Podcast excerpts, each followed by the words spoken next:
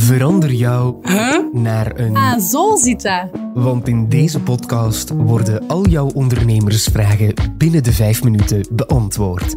Oh, zit dat zo? Een podcast van Unizo.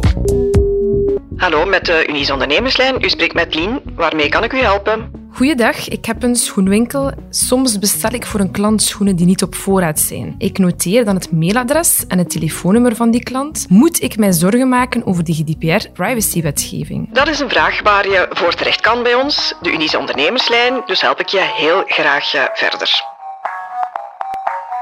Ja en nee. Ja, omdat de privacywetgeving hier inderdaad van toepassing is. Nee, omdat je daar niet eh, meteen zorgen moet over hebben.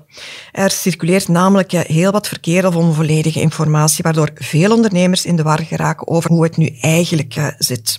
Zo heerst er bijvoorbeeld vaak het idee dat de privacywetgeving enkel van toepassing is op digitale gegevens en enkel wanneer die in grote hoeveelheden worden verwerkt. Maar dat klopt niet. De GDPR is van toepassing van zodra er persoonsgegevens verwerkt worden. Daar zitten twee belangrijke onderdelen in. Persoonsgegevens en verwerken. Persoonsgegevens zijn alle gegevens eh, die gebruikt kunnen worden om een individu eh, te identificeren. Een rijksregisternummer, een adres, een vingerafdruk, maar dus ook een uh, naam of een telefoonnummer. Wat is dan verwerken? Dat kan je het beste omschrijven als iets doen met die gegevens. Ze bewaren, aanpassen, doorgeven en dus ook gegevens bijhouden op een gestructureerde manier. Dat hoeft dus zeker niet digitaal te zijn in een ingewikkelde databank. Want zodra je die gegevens van je klant noteert in je bestelboek, ben je ze aan het verwerken. Een ander misverstand is uh, dat de GDPR verbiedt om persoonsgegevens te verwerken. Ook onder deze privacywetgeving is het perfect mogelijk om de contactgegevens van je klant bij te houden, om hem te informeren over zijn bestelling.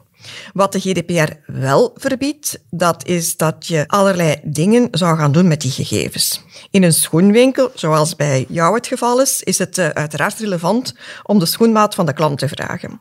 Maar de slager zou niet kunnen verantwoorden waarom hij naar de schoenmaat van een klant vraagt om een bestelling op te volgen. Dat brengt ons dan ook eh, bij een derde misverstand. Eh, veel mensen denken dat gegevensverwerking enkel nog is toegelaten met de uitdrukkelijke toestemming van de persoon in kwestie.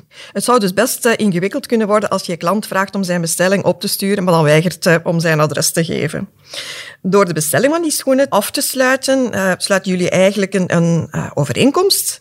En om die overeenkomst te kunnen uitvoeren, zijn er een aantal persoonsgegevens nodig. Dat ligt helemaal anders bij personen die geen of nog geen klant zijn bij jou. Dat is een hele hoop informatie, maar het belangrijkste om te onthouden is uh, dat je met een gerust hart de gegevens van je klanten mag vragen en bijhouden. Maar je moet er op een verantwoorde uh, manier mee omspringen. Oké, okay, dat is alvast geruststellend, maar wat moet ik nu precies doen om effectief in orde te zijn? Ja, dan komt de administratieve kant van de GDPR uh, kijken. Hè? Want er zijn wel inderdaad een aantal zaken die je moet in orde brengen. Er zijn absoluut geen hoogtechnologische of dure ingrepen nodig, maar er zijn wel een aantal belangrijke stappen die je niet over het hoofd mag zien. We kunnen dit opdelen in twee onderdelen. Informeren en registreren. Als er één ding is dat je moet onthouden over de privacywetgeving, dat is dat je transparant moet zijn over de gegevens die je verwerkt. Heel veel gegevensverwerking is toegelaten op voorwaarde dat de persoon in kwestie duidelijk weet welke gegevens er van hem verwerkt worden, door wie en waarom. Daarnet zeiden we dat je klant geen toestemming moet geven als het gaat om een opvolging van een bestelling, maar dat neemt niet weg dat die klant nog wel steeds moet geïnformeerd worden over gegevensverwerking.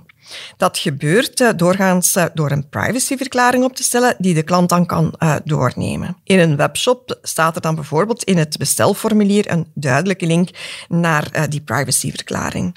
In een fysieke winkel wordt dat natuurlijk wat moeilijker. Je gaat je klant daar geen dossier van 10 pagina's geven vooraleer je zijn telefoonnummer kan noteren. Toch ben je nog steeds verplicht om die klant goed te informeren. Hier is het uh, soms wat zoeken naar de meest praktische oplossing. Je kan bijvoorbeeld uh, de belangrijkste informatie mondeling meedelen. Je kan een beknopte privacyverklaring uithangen aan de kassa. Je kan de klant nadien een mail sturen met je privacyverklaring, zodat de informatie thuis rustig kan doorgenomen worden. Dan is er tot slot nog de registratie. Je bent uh, namelijk verplicht om een zogenaamd verwerkersregister bij te houden. Dat is in geen geval een lijst van de gegevens die je werkt voor elke klant, maar een overzicht van hoe de gegevensverwerking in je onderneming verloopt. Je noteert gewoon wat je doet. De klant geeft in de winkel zijn contactgegevens, die komen in je bestelboek te staan. Dat boek wordt bewaard in een afgesloten kast. De gegevens worden tot een jaar na de laatste bestelling bewaard. En dat doe je eigenlijk voor alle soorten gegevens. Eh, zoals je dat bijvoorbeeld ook nog eens eh, voor de gegevens van je personeel doet. Ehm, eh, dat omschrijf je dan op eenzelfde manier in het register. Als er niets verandert aan de verwerking van je onderneming, dan hoef je dat register dus maar één keer op te stellen en is dat voor jaren in orde. Dat register dient als bewijs dat je niet onbezonnen omspringt met de persoonsgegevens in je onderneming. Stel dat er ooit een controle zou komen, dan is dat register het eerste waar men naar zal vragen. Je hoeft dat register dus ook nergens te publiceren of naartoe te sturen. Je moet het bij wijze van spreken gewoon in je schuif hebben liggen. Om je op weg te zetten, hebben we bij Unizo een voorbeeld gemaakt van zo'n privacyverklaring en zo'n verwerkingsregister. Die documenten kan je downloaden op onze website, eh, waar je trouwens ook nog heel wat eh, verdere toelichting eh, kan vinden. Oh, zit dat zo is een podcast van Unizo met expertise van onze interne diensten en partners. Dankzij deze aflevering ken je alles van de privacywetgeving. Wil je nog meer informatie? Surf dan naar de kanalen van Unizo of klik op de link in de show notes. De productie gebeurde door Laurens Bervoets en Babette Plessers. Eindredactie was in handen van Philip Horemans, Jurgen Muis en Jasmina Plas. Ben je lid van Unizo? Dan kan je net zoals de ondernemers in deze podcast contact opnemen met de ondernemerslijn voor gratis advies. Dat kan gemakkelijk op het nummer 02 21 22 678. Wil je beroep kunnen doen op onze in-house expertise? Maar ben je nog geen lid van Unizo? Ga dan voor samen ondernemen en surf als de bliksem naar www.unizo.be.